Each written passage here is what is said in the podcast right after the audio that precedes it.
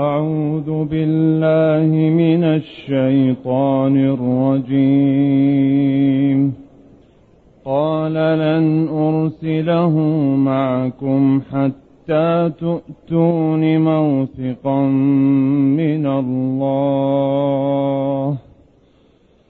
حتى تؤتون موثقا من الله لتأتونني به. إلا أن يحاط بكم فلما آتوه موثقهم قال الله على ما نقول وكيل. وقال يا بني لا تدخلوا من باب واحد وادخلوا من أبواب متفرقة وما أغني عنكم من الله من شيء إن الحكم إلا لله عليه توكلت وعليه فليتوكل المتوكلون ولما دخلوا من حيث أمرهم أبوهم ما كان يغني عنهم من الله من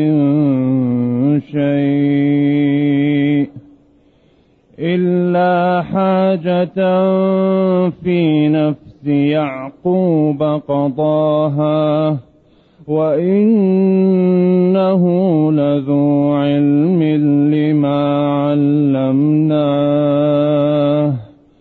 ولكن أكثر الناس لا يعلمون. ولما دخلوا على يوسف آوى إليه أخاه. قال إني أنا أخوك فلا تبتئس فلا تبتئس بما كانوا يعملون. فلما جهزهم بجهازهم جعل السقاية في رحل أخيه ثم أذن مؤذن أيتها العير إنكم لسارقون قالوا وأقبلوا عليهم ماذا تفقدون قالوا نفقد صواع الملك ولمن جاء به حمل بعير ولمن جاء به حمل بعير وأنا به زعيم. قالوا تالله لقد علمتم ما جئنا لنفسد في الأرض وما كنا سارقين. قالوا فما جزاؤه إن كنتم كاذبين. قالوا جزاؤه من وجد في رحله فهو جزاؤه. فهو جزاؤه كذلك نجزي الظالمين. فبدأ بأوعيتهم قبل وعاء أخيه ثم استخرجها من وعاء أخيه. كذلك كدنا ليوسف ما كان ليأخذ أخاه في دين الملك إلا أن يشاء الله. نرفع درجات من نشاء. نرفع درجات من نشاء وفوق كل ذي علم عليم. الحمد لله الذي أنزل إلينا أشمل الكتاب وأرسل إلينا أفضل الرسل وجعلنا خير أمة أخرجت للناس. فله الحمد وله الشكر على هذه النعم العظيمة. والآلاء الجسيمة والصلاة والسلام على خير خلق الله وعلى آله وأصحابه ومن اهتدى بهداه.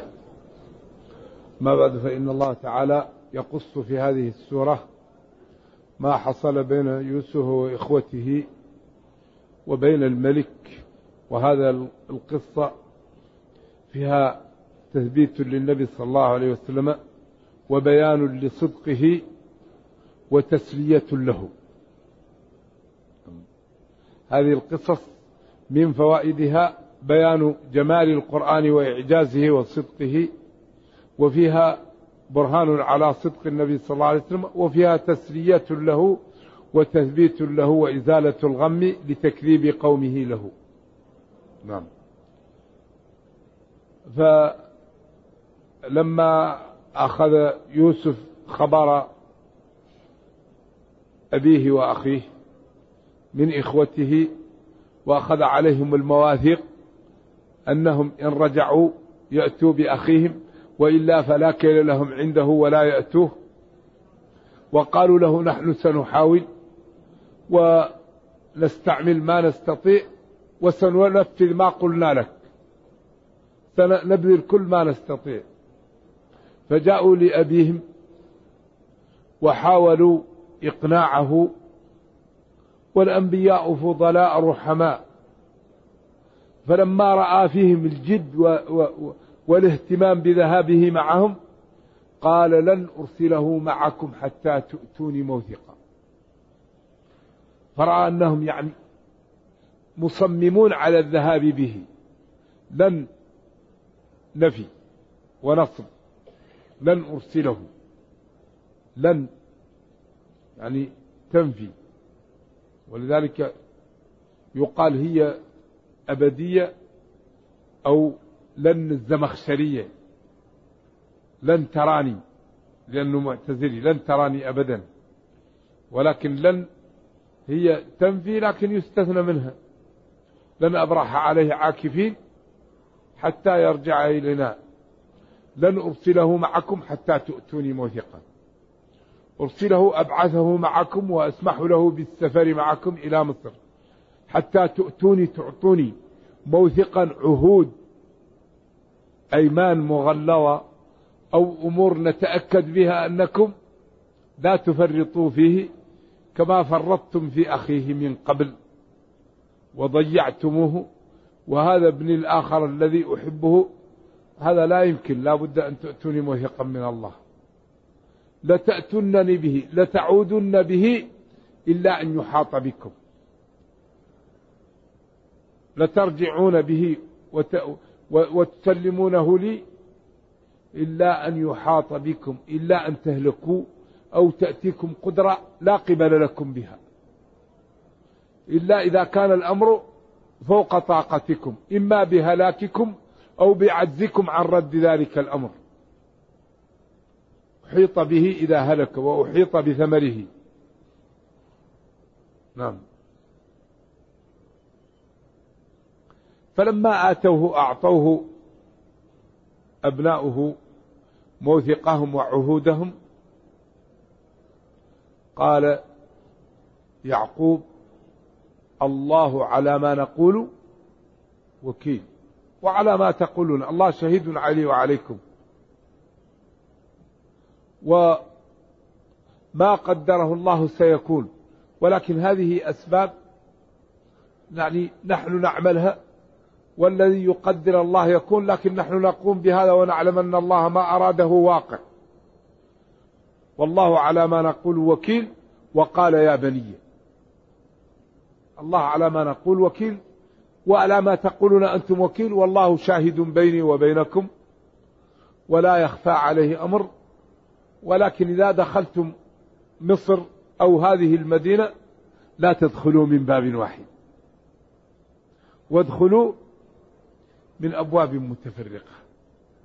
قالوا لأنهم كانوا على حسن السرة وعلى كمال أجسام وجمال وقوة ونضارة وشباب واستقامة وقامة فإذا دخلوا من مكان واحد ذلك سبب لهم العين كلام الناس. والعين حق. لو كان شيء سابق القدر لسبقته العين. أيوة ولذلك ينبغي للمسلم أن إذا نظر ما لما يعجبه من نفسه أو ولده أو ماله أو المسلمين يقول ما شاء الله لا قوة إلا بالله يذكر الله بارك الله. لا قوة إلا بالله. يعني يذكر الله ويسمي حتى لا ينال نفسه أو ولده أو ماله أو أحبته أو المسلمين. لذلك ينبغي للإنسان أن يتكايس من العين ومن الكلام في الناس والنظر في الناس. فإذا رأى ما يعجبه من نفسه يقول ما شاء الله. وإذا رأى ما يعجبه من ولده يقول ما شاء الله. وإذا رأى ما يعجبه من ماله يقول ما شاء الله. وإذا رأى ما يعجبه من المسلمين يقول ما شاء الله. إذا يا بني لا تدخلوا من باب واحد. وادخلوا من أبواب متفرقة. حتى لا ينظر إليكم من فيه حسد أو من عنده نفس شريرة أو ينظر إليكم اللصوص قادمون مع بعض فيؤذونكم. لكن إذا جئتم وأنتم متفرقون كان ذلك مدعاة لعدم العين ولعدم نظر اللصوص والسراق إليكم. بعدين قال وما أغني عنكم من الله من شيء. أغنى يغني إذا سد. لا أسد عنكم. من الله إذا أراد بكم شيء. لأن الأمر له والحكم حكمه. وما أراده فعله. إذا أراد شيئا أن يقول له كن فيكون. إنما أمرنا لشيء إذا أردنا أن نقول له كن فيكون. يفعل ما يشاء. إذا يعقوب هذا أخذ بالأسباب مع الاتكال على الله وهذا هو الشرع. الشرع أن المسلم يقوم بالأسباب ويتكل على الله. ولذلك العين يقال تدخل الجمل القدر والرجل القبر. ورد ذلك في آثار. و بعض الناس يكون عنده حسد وعنده نفس غير طيبة فهذا إذا نظر في شيء أو تكلم فيه قد يتضرر صاحبه. ولذلك في بعض سفرات النبي صلى الله عليه وسلم للمدينة لما نظر الصحابي إلى أخيه وقال ولا جلد كجلد العروس فتلطع جسمه. فقال أيقتل أحدكم أخاه؟ فأمره بأن يغسل له يديه ويتمضمض وقدميه ومراقه ثم يغتسل بذلك فشفي فلذلك ينبغي للمسلم إذا اتهمه شخص بالعين وقال له اغسل لي يقول حاضر ولا يغضب. يغسل له هذه الأمور و ينبغي للإنسان أن يحافظ على إخوانه كما يحافظ على نفسه. لأنه في الحديث الصحيح لا يؤمن أحدكم حتى يحب لأخيه. هل تريد أحد أن يصيبك بعينه أو بنفسه؟ فكذلك أنت ينبغي أن تحب لإخوانك ما تحب لنفسك. والإنسان يتكايس. ولذلك قال تعالى قل للمؤمنين يغضوا من أبصارهم. هذا البصر إذا نفذ مشكلة. مشكلة على صاحبه ومشكلة على الآخرين. نعم. وما أغني عنكم. لا أرد عنكم من الله من شيء. الله هو اللي يدفع وهو اللي يعطي وهو القاهر. وإنما هذا أمر لأجل السبب. إن الحكم إلا لله. إن ما في. الحكم الأمر والقضاء. الله هو المعبود بحق. إذا كل شيء بيد الله. ما الحكم إلا لله. هو الذي ما أراده فعل وهو الذي يفعل ما يريد ولا معقب لقضائه. خلاص كتب الحكم لله. ولذلك لا يجوز الحكم إلا بشرع الله. وأن أحكم بينهم بما أنزل الله. إن الحكم إلا لله. ألم تر إلى الذين يزعمون أنهم آمنوا بما أنزل إليك وما أنزل من قبلك؟ يريدون أن يتحاكموا إلى الطاغوت وقد أمروا أن يكفروا به. ويريد الشيطان أن يضلهم ضلالا بعيدا. إذا الحكم لله والأمر لله وأنا أقوم بالأسباب. إن الحكم لله عليه توكلت. أيوة عليه. لا على غيره توكلت. وعليه فليتوكل المتوكلون.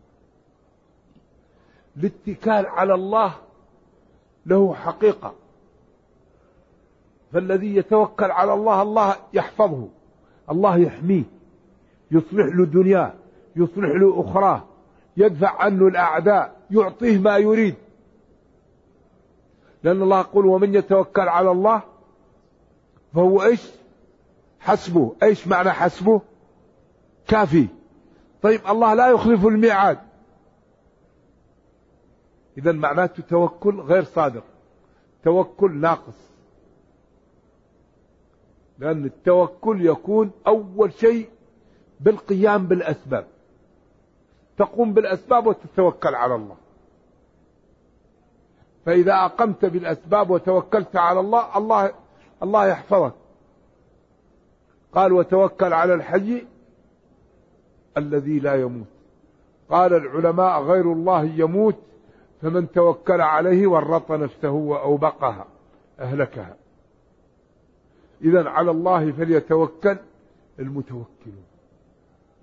نبينا صلى الله عليه وسلم لما قالوا له إن الناس قد جمعوا لكم فقالوا حسبنا الله ونعم الوكيل. حسبنا الله هذا هو التوكل حسبنا الله. ونعم الذي يتوكل عليه. يكفينا الله ونعم الكفاية نعم الذي يتوكل عليه. فرجعوا. إبراهيم لما رموه في النار قال حسبنا الله ونعم الوكيل. جاءه جبريل قال له أما إليك فليس لي حاجة. حاجتي إلى الله. قال كوني بردا وسلاما.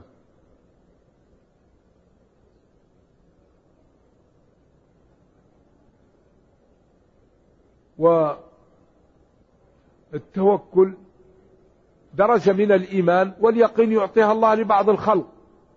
ولكن الله يمن على من يشاء من عباده. وليس ينافي التوكل القيام بالأسباب لأن الله لما خلق الخلق خلقه بإيش؟ بقانون الأسباب. كل شيء له سبب.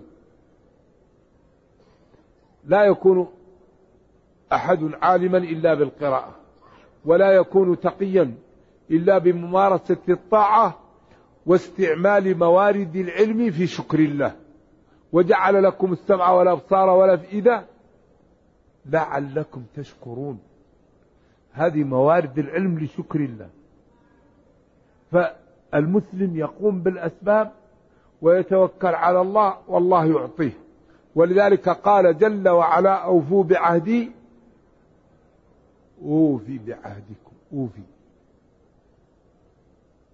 ومن أصدق من الله حديثا. قوله الحق لا يخلف الميعاد. ادعوني أستجب لكم. لذلك طرق الخير وطرق النجاة وطرق الفوز واضحة جدا وسهلة لمن وفقه الله. لكن الإنسان إذا كان لا يقوم بالأسباب الصلاة لا يهتم بها الصوم لا يهتم به الوالدين لا يهتم بهم الجيران لا يهتم بهم المال الأكل لا يهتم بأن يأكل الحلال طيب إذا دعا كيف يستجاب لمن دائما أكله حرام؟ إن الرجل يطيل السفر أشعث أقبر. ومأكله حرام ومشربه حرام وغذي بالحرام. يا ربي يا ربي. كيف يستجاب لذلك؟ لذلك الذي يريد أن يستجاب له لا يأكل إلا الحلال. أطم مطعمك تستجب دعوته. أطم مطعمك كم واحد منا الآن يحرص على أن يأكل الحلال؟ ذلك كل شيء بثمنه. فأخطر شيء نواجهه عدم الاهتمام بالأكل. لأن اللحم إذا نبت من الحرام يقسى القلب. ترد الدعوة. يتكاسل الإنسان عن الصوم وعن الصلاة وعن العبادة. في في فيجذم عليه الشيطان. فيكون هذا سبب عياذا بالله في الضلال وفي البدع وفي الفسوق وفي وكل ما عمل الإنسان المعصية المعصية تدعو للمعصية والمعصية تدعو للمعصية. كما أن الحسنات تدعو للحسنات. وعلى الله فليتوكل المتوكلون. وعليه فليتوكل المتوكلون. ولما دخلوا هنا ولما دخل إخوة يوسف مصر من حيث أمرهم أبوهم متفرقون ما كان يغني عنهم من الله من شيء إلا حاجة في نفس يعقوب وهو خوفه عليهم وأنهم لا يدخلون من باب واحد حتى لا يقعوا في العين أو في مهلكة. قضاها وهي تنفيذ ذلك وهو أن يقول لهم ما يريد أن يقول لهم حتى يكون ذلك سببا في سلامتهم. وإنه أي يعقوب لذو لصاحب علم لما علمناه. أقوال كثيرة في هذه الآية لذو علم لما علمناه وهي تدور حول أنه يعمل بعلمه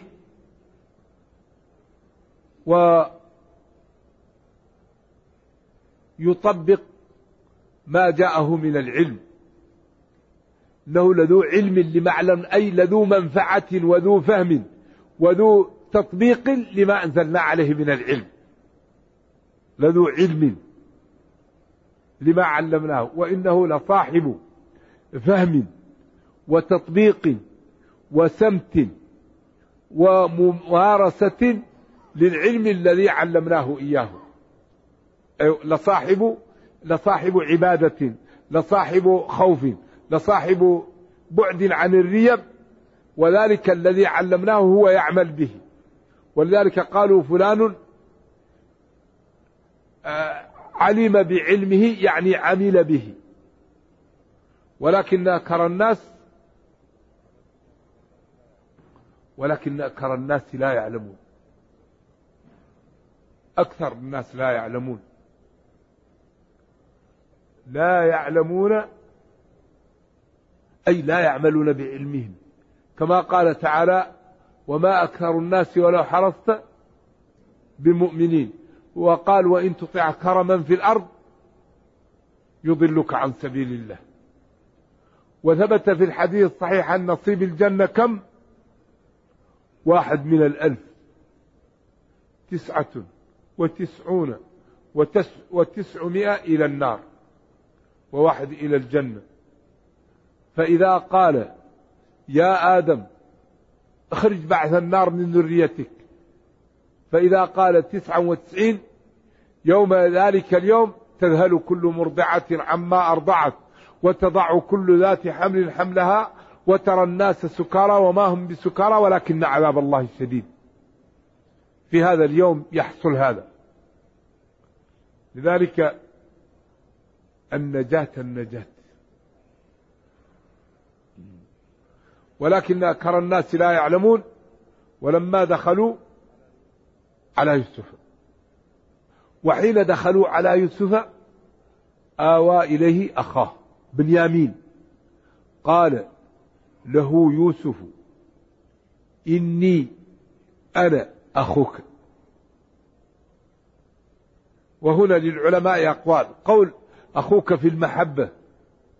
والقول الذي يظهر من النصوص إني أنا أخوك يوسف. فلا تبتئس فلا تيأس ولا تحزن بما كانوا يفعلون. قال له إذا أنا لا أفارقك. أنت يوسف؟ قال أنا يوسف. قال لن يذهب سوادي عن سوادك. قال له أبونا يحزن. ولا يمكن أن تبقى معي إلا إذا اتهمتك تهمة شنيعة. قال فلتفعل. المهم لن نفارقك.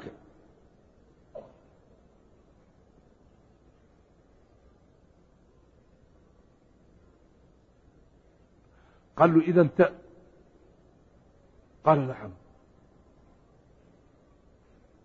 إذا أنا أخوك شقيقك يوسف وما كانوا يعملوه لا تحزن وعملوا لنا. والله تعالى عوضنا وأكرمنا. فلما جهزهم بجهازهم جهزهم الجهاز أو الجهاز هو الطعام اللي حط لهم وكل شيء وأكرمهم.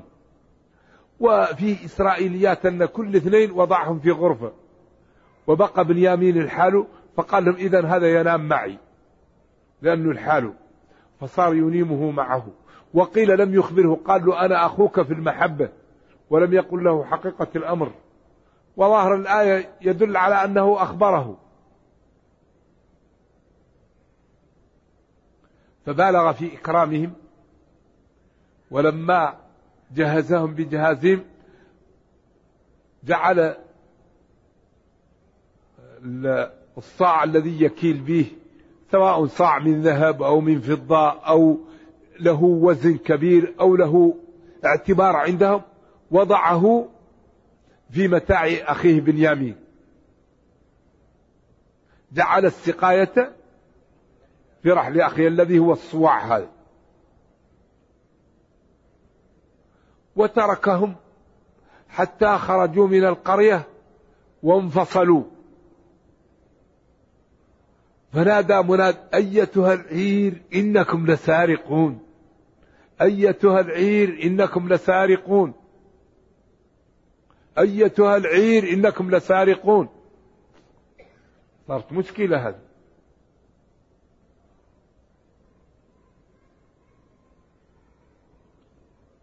هذا بعيد. قالوا نحن إيش الآية؟ قالوا وأقبلوا عليهم ما لا تفقدون. ما الذي ضاع عليكم حتى تقولون نحن سرقنا؟ قالوا نفقد صواع الملك الذي يكيل به للناس. ولمن جاء به له جعالة حمل بعير وفيه ضمان أيضا وأنا به زعيم ضامن. إذا العلماء يبحثون عن كتاب الجعالة وكتاب الضمان. قالت إخوة يوسف للداعي تالله والله لقد علمتم أنتم ما جئنا لنفسد في الأرض ولقد علمتم أننا ما كنا سارقين لأننا لما جئنا أخذنا إبلنا وكممناها. وأتينا معنا بمائنا وأزوادنا ولم ننقص أحدا شيئا حتى جينا جئناكم. لقد علمتم من أخلاقنا وعملنا أننا ما جئنا لكي نفسد في الأرض وما كنا سارقين. إذا ما دمتم لستم بسارقين. طيب فما جزاء من وجد في رحله؟ قالوا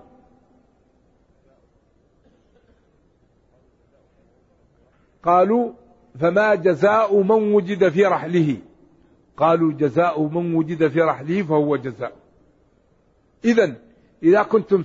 إذا كان هذا الصاع سرق منكم فما هي عقوبة صاحبه قال يؤخذ فيه. الحمد لله هذا الذي يريد يوسف يوسف يريد هذا.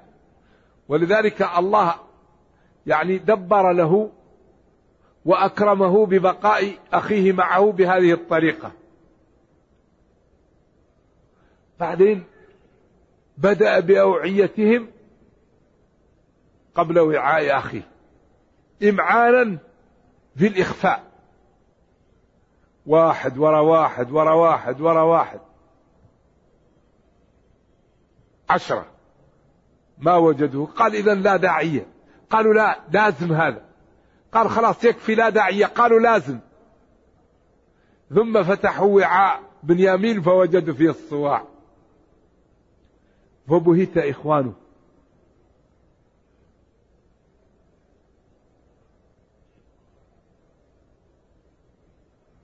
فقالوا كيف تفعل فينا هذا؟ قال هذا وضعه من وضع لكم المتاع. لما رجعتم لبلدكم وجدتم الأشياء التي اشتريتم بها في من وضعها وما فهموا.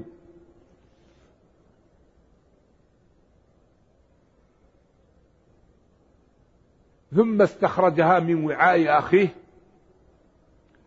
كذلك هذا الكيد الذي كدنا ليوسف به فقد أيضا كدنا له فخرجناه من البئر وسلمناه. وخرجناه من مأزق زليخة أو راحيل. ومكنا له كدنا ليوسف. ما كان ليأخذ أخاه في دين الملك. ما كان ليستطيع أن يأخذ أخاه في شرع الملك وفي دينه إلا أن يشاء الله ودبر له هذا التدبير الذي عمله. نرفع الله تعالى يرفع درجات من نشاء أو درجات من نشاء. بالإضافة وبالتنوين وتكون من مفعول ثاني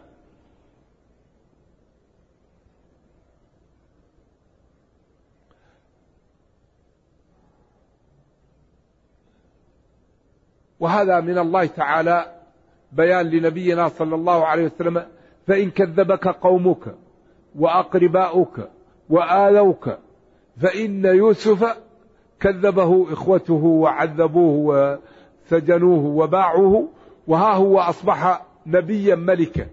فأنت العاقبة لك والعاقبة للمتقين ولا تحزن وسر على ما أمرك الله به والعاقبة للمتقين. لذلك كل من يتقي الله ويصبر فإن ما يريده يناله. كل مسلم صبر واتقى الله ينال مطلوبه. وأغلب ما يعوق المسلمين ويضرهم هو المعاصي. لا يوجد شيء في هذه الدنيا أضر من المعاصي. شؤم المعصية يضيع العمر. شؤم المعصية يضيع المال. شؤم المعصية يضيع الولد. كل مشكلة سببها المعاصي. فلذلك فلنبتعد عن المعاصي. ولنعلم أن طاعة الله تعالى ينال بها ينال بطاعة الله كل خير. الذي يطيع الله يعطيه يوفقه يجعل المال القليل مبارك العمر القليل مبارك الولد القليل مبارك يجعل لك الذكر الحسن الذي يطيع الله إذا مات يكون كالغائب قديم على أهله. أما العصيان صاحبه دائما في شقاء عياذا بالله وإذا مات يكون كالمجرم أخذته السلطة. فلنطيع الله ولنعمل بشرع الله ولنعطي وقتا لدين الله. لا بد أن نعطي وقتا لهذا الدين نقرأه. هذا القرآن أوامر ونواهي وأحكام وآداب وأخلاق وتربية. جمال وحسن رائع. لا بد أن نعطيه وقتا لكتاب ربنا. فإذا فعلنا ذلك ما أردناه والله يعطيه إيانا. وما خفنا منه والله يدفع عنا. والله قادر ولا يضيع. أجر من أحسن عملا هذا يوسف ابتلي بإخوته وابتلي بزليخ وابتلي وابتلي وبعدين ها هو أصبح أعطاه الله كل شيء ودفع عنه كل شر بتقوى الله. نبينا صلى الله عليه وسلم تكالبت عليه كل العرب. وحاولوا بتقوى الله وبالاعتماد على الله نصره وأعزه وأصبح يعني دينه لا تغرب عنه الشمس لكن نحن إذا استقمنا على الدين الله يقوينا. وإذا تركنا الدين نرجع لما كنا عليه. إن الله لا يغير ما بقوم حتى يغيروا ما بأنفسهم. وثقوا تماما أن العبد إذا كابد الطاعة ومارسها واجتهد فيها الله يعطيه ما يريد. هذه الصلاة تأخذ الوقت. الله قال وأمر أهلك بالصلاة واصطبر عليها. بعدين ماذا قال؟ لا نسألك رزقا نحن نرزقك الله الذي يرزقك. لا تقول الصلاة تأخذ وقت. والمال لا ينال إلا بالوقت. أنت صلي كما أمرتك ولا يهمك الرزق نحن نرزقه. قال العلماء أكبر أسباب الرزق الصلاة. الاستغفار. يأتي بالأولاد ويأتي بالمال ويأتي بالمطر. استغفروا ربكم إنه كان غفارا. يغفر يرسل السماء عليكم مدرارا. ويمددكم بأموال وبنين ويجعل لكم جنات ويجعل لكم أنهار. ما لكم لا ترجون لله وقارا. لذلك أخطر شيء عدم العمل. فلنعمل بطاعة الله. وأن نفهم شرع الله. وما أردناه أعطاه لنا ربنا. وما خفنا منه حمانا الله منه. والله لا يضيع أجر من أحسن عملا. الغريب أن كثير من المسلمين لا يحفظ سورة البقرة. كثير من المسلمين يجلس الشهر والشهرين وما يعمل ختمة للقرآن. يمكن لا يختم القرآن إلا في رمضان. القرآن نور نور كتاب معجزة خالدة. السنة جوامع كلم. هذه السنة عجيبة. فالمسلم ينبغي أن يعطي وقته بعض من وقته لدينه يعلم ما الواجب ما الحرام. فإذا عمل ذلك الله يعوضه في هذا الوقت الذي يعطيه للدين. نرجو الله جل وعلا أن يرينا الحق حقا ويرزقنا اتباعه وأن يرينا الباطل باطلا ويرزقنا اجتنابه وأن لا يجعل الأمر ملتبسا علينا فنضل. اللهم ربنا أتنا في الدنيا حسنة وفي الآخرة حسنة وقنا عذاب النار. اللهم اختم بالسعادة آجالنا وقرم بالعافية غدونا وآصالنا واجعل إلى جنتك مصيرنا ومآلنا. اللهم يا حي يا قيوم برحمتك نستغيث. أصلح لنا شأننا كله ولا تكلنا إلى أنفسنا طرفة عين. سبحان ربك رب العزة عما يصفون وسلام على المرسلين والحمد لله رب العالمين. وصلى الله وسلم وبارك على نبينا محمد وعلى آله وصحبه والسلام عليكم ورحمة الله وبركاته. الله يحييك. الله يحييك يا مرحبا. كرمك الله. الله يحفظك. بنت الشيخ الله يجزيك خير كرمك الله. الله يحفظك. هذا أخ من إخواننا يقول إنه إمام مسجد. ويقول أرجو منك نصيحة وما هي السنة أن أقرأ في الصلوات الخمس. الإمام لا يطيل. من صلى بالناس فليخفف. من صلى بالناس فليخفف. فإن فيهم الضعيف والمريض وذا الحاجة. هذا في البخاري. وقصد يخفف. إذا قرأ سبح اسم ربك. وهل وهل أتاك حديث الغاشية في الفجر؟ هذا ما طول هذا قصر. فالتقصير والتطويل أمر نسبي لكن الذي يصلي بالناس ليخفف. قال له ألا صليت بسبح هل أتاك؟ ولذلك معاذ لما كان يصلي مع النبي صلى الله عليه وسلم وهو شاب ويذهب ويصلي بقومه ويطول فكان رجل صاحب ظهر فانفلت وصلى لنفسه ونام فقالوا نافق فلان. فقال لا. هذا يطيل وأنا عندي ظهر وأتي تعبان قال له أفتان يا معاذ؟ أفتان يا معاذ؟ من صلى بالناس فليخفف. فإن فيهم الضعيف والمريض وذا الحاجة. أنا سمعت بعض الكبار يدعو على بعض الأئمة يقول الله لا يبارك له قوي وأنا ركبي تعورني وهو يطول فينا. هيجوز مشكلة يمكن يدعو عليه. هو مظلوم يطول يقرأ لكن إذا قرأ بسبح وهلتاك ومثل هذا ليس مطولا. لكن إذا عرف الإمام أن المأمومين لا, يست... لا يريدون التطويل يصلي بقصار السور وإذا عرف من المأمومين أنهم يريدون التطويل ولم يكن فيهم المسجد أهل معروفين يعمل لكن الأولى أن الذي يصلي بالناس يخفف. من صلى بالناس ومن صلى بنفسه فليفعل ما يشاء بنفسه. أما الإمام إذا صلى بالناس فليخفف.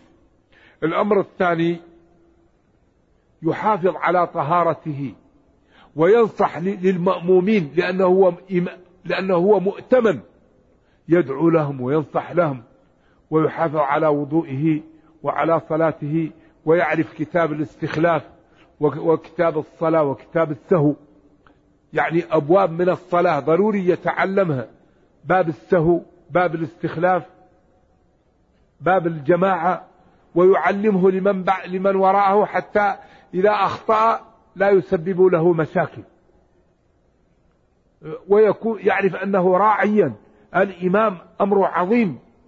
فهو ينبغي أن ينصح للمأمومين. فإذا أخلص من صلى وراءه يستقيم. الإمام الصالح من صلى وراءه الله يجعل فيه الإيمان يجعله طيب. ذلك ينبغي لمن كان إماما أن يتقي الله في من وراءه. فلينصح لهم وليخلص لهم وليحافظ على طهارته طهارة الحدث وطهارة الخبث وعلى النية وعلى الإخلاص وعلى الخشوع. حتى ينتفع من وراءه. نعم. يقول المختصرات في التفسير ما رأيك فيها؟ مختصرات في التفسير طيبة ولكنها تحتاج إلى شيخ يشرحها. من المختصرات الطيبة كتاب الجلالين وفي بعض التأويل لا يخفى على طلاب العلم وغير المتعلم لا يفهمه.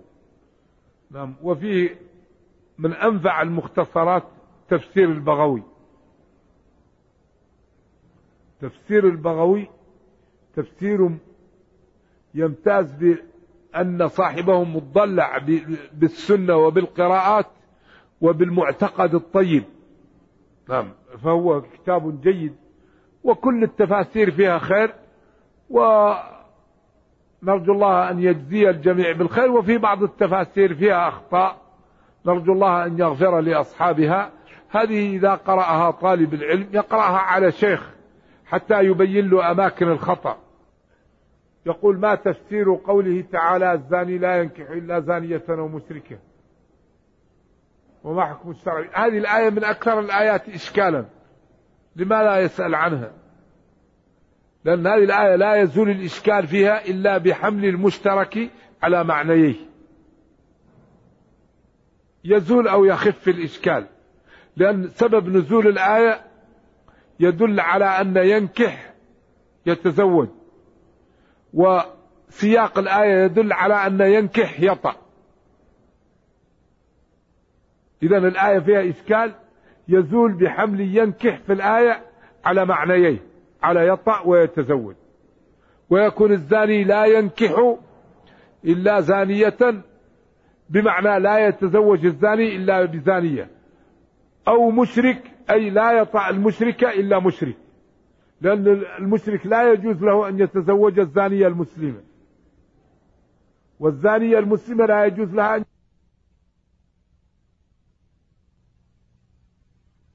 وبهذا يزول الإشكال أو يخف. واضح ولا ما هو واضح؟ وضح وضح أو غير واضح؟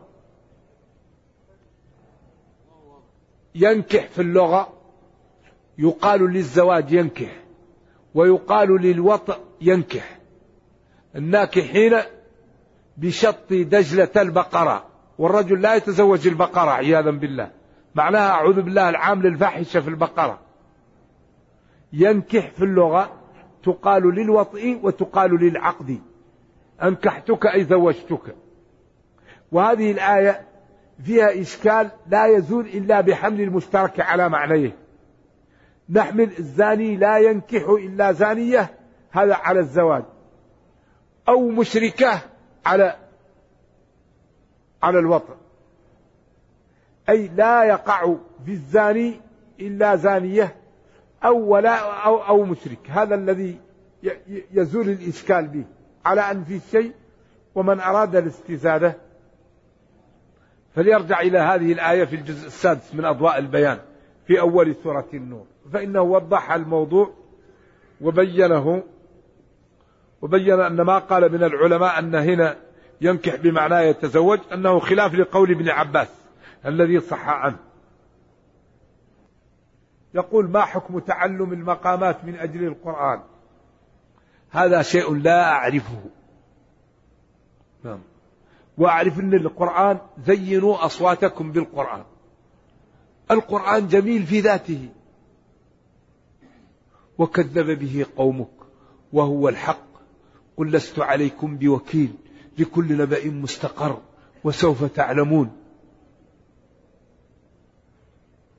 خذ العفو وأمر بالعرف وأعرض عن الجاهلين. هذا يحمل معاني أجمل من هذا الشيء. معانيه معانيه تكفيك. هو جميل بما فيه. فالمقامات الحقة لا أعرفها والحكم على الشيء فرع عن تصوري وأنا لا أعرف المقامات. فلذلك أقول الله أعلم. نعم. إن شاء الله لعلي أراجع حتى نعرف هذا لأني لا أعرفه. يقول عنده في بلده عمل تجاري ويريد أن يطلب العلم. وإذا ترك العمل التجاري قد يضيع فما الحل؟ الحل أنك تطلب العلم في أي بلد وما فيه أسهل من طلب العلم الآن. الشبكة العنكبوتية وال الاتصالات والعالم كله أصبح كالقرية. يمكن تطلب العلم في أي بلد وأي شيء يشكل لك تتصل ببعض العلماء وتسأل أهل الذكر وتجمع بين الحسنين يقول يعيش في أوروبا ولا يقبل في شريكته الرجل الذي لا يصلي. هل هناك شيء؟ جزاء الله. إيش؟ هل هناك شيء؟ إيش؟ على كل حال طيب الإنسان يتعامل مع الطيبين والذي يترك شيء لله الله يعوضه. ما ترك عبد شيئا لله إلا عوضه الله. الله لا يضيع أجر من أحسن عملا. ولكن إذا كان هذا يشتغل يمكن أن تدعوه بدل من أن تفصله قل له صلي حاول أن يكون شريكة أن تكون شريكتك سببا في هدايتهم. نعم.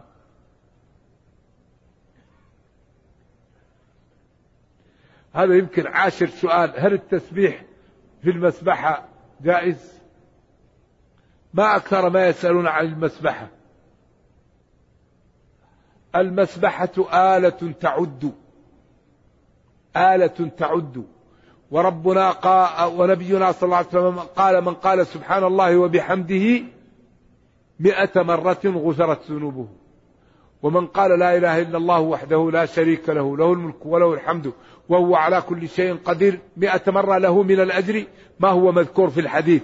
ولم يأتي أحد بمثله إلا أحد قال مثل ما قال أو زاد. فإذا كان الإنسان يصعب عليه يعد في أصبعه وأخذ الآلة يعد فيها نقول له لا تعد. أما الذي يجعل المسبحة سنة ليست سنة آلة. هذا المسمعة. ما كانت معروفة. ولا المسبحة أمرها سهل لكن التسبيح في الأصابع أفضل. يسبح العبد في أصابعه. تكون لها نور. هنا الأفراد وهنا العشرات. مر بكم أن النبي صلى الله عليه وسلم قال أنه يسبح أكثر من مئة مرة؟ قال أو زاد. ومئة يمكن الواحد يعدها في أصابعه. فإن أراد أن يسبح في مسبحة يسبح. لكن ليست سنة. لكن الذي يأخذها أنها جائزة أمرها سهل. لكن الذي يأخذها أنها سنة وأن الذي ما عنده مسبحة ضال هذا ضلال. إذا الأمور تتمايز بماذا؟ بالنيات. إنما الأعمال بالنيات. هذه الأمور الحقيقة الناس يعني أمر فيها سهل لكن الأولى الإنسان يسبح في أصابعه. يقول الشهداء أحياء فهل الرسل أحياء؟ حياة برزخية. نعم. ولا تحسبن الذين قتلوا في سبيل الله أمواتا بل أحياء عند ربهم يرزقون. هذه حياة برزخية. والأمور الغيبية نحن نؤمن بها ولا نتعدى النصوص. ما قاله الله نقوله وما سكت عنه الوحي نسكت. الشهداء أحياء والأنبياء أحياء لكن حياة برزخية. لا يعلمها إلا الله. نعم. يقول هذا أيضا عنده شركة في بلد وإذا تركها تضيع وهو يريد أن يطلب العلم. طلب العلم سهل. وبالأخص أنت عندك شركة جزء من من من دخل الشركة أطلب به العلم وأتي لك بواحد يعلمك في بيتك أو في محل الشركة. الأمر سهل. يقول لا شك أن المعاصي تزيل النعم وهل يمكن أن ترد النعم المسلوبة بالمعاصي؟ وكيف السبيل إلى ذلك؟ جزيتم خيرا. لا الحق المسلوب لا يرد بالمعاصي وإنما يرد بالطاعة.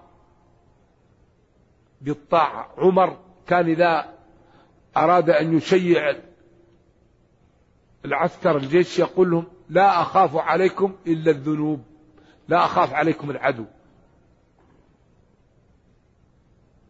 ويوم الأحزاب لما تكالبت على أهل المدينة كل العرب كان كل من في الأرض يقاطع أهل المدينة وجاءوا من فوق المدينة ومن أسفلها حتى بلغت القلوب الحناجر. قام المسلمون بواجبهم فأنزل الله الملائكة والرياح ونصر المسلمين وهزم الأحزاب وامتن عليهم وقال يا أيها الذين آمنوا اذكروا نعمة الله عليكم إذ جاءتكم جنود فأرسلنا عليهم ريحا وجنودا لم الذي يهزم بالرياح والملائكة ينبغي أن تمتثل أوامره تجتنب نواهي يطاع فلا يعصى.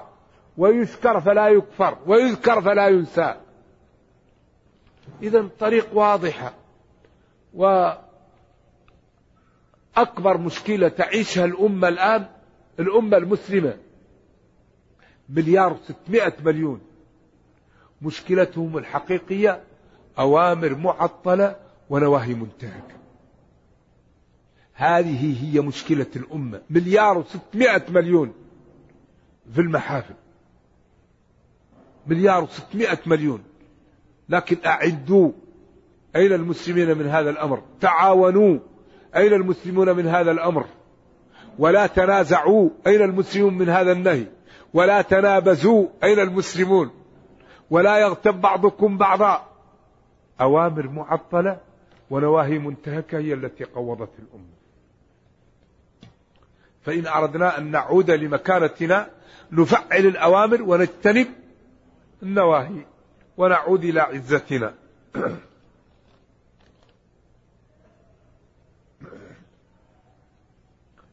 يقول ورد في بعض التفاسير أن أسباب نزول هذه الآية ومن يريد فيه بإلحاد بظلم يلقه من عذاب أليم أنها في عبد الله بن أنيس وذلك أرسله مع رجل. إلى رجل لا أنا لا أعرف هذا. أعرف أن الآية عامة. ولذلك قال ولو بعدن أبين. ولو بعدن أبين. الذي يريد الإلحاد بمكة ولو هو خارج مكة تغلظ عليه العقوبة. ولذلك هذه مكة ليست غيرها. مكة اسمها بكة تبك أعناق الرجال. خطيرة والصحابة. لماذا لا يسكن في مكة الصحابة؟ صلاة واحدة خمسة وخمسين سنة وخمسة شهور وسبعة عشر يوم. صلاة واحدة في مكة. من عمر الإنسان. صلاتين في مكة مئة وعشر سنوات وزيادة صلاتين فقط. هذا حوش. لكن مشكلة مكة. بن عباس ليش يروح للطائف؟ ولماذا خير كثير؟ لكن الغنم بالغرم. فمكة فيها ربح كثير لكن فيها خطورة كثيرة. ولذلك خطر واحد يعمل خطأ في مكة. أبرهة لما جاء وجاءه عبد المطلب صاحب الفيل قال له أنا أريد إبلي.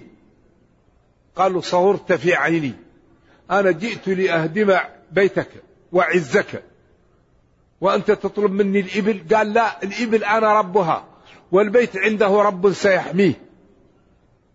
قال له يحميه مني؟ قال له نعم. قال له لا يستطيع. قال له أنت وذاك.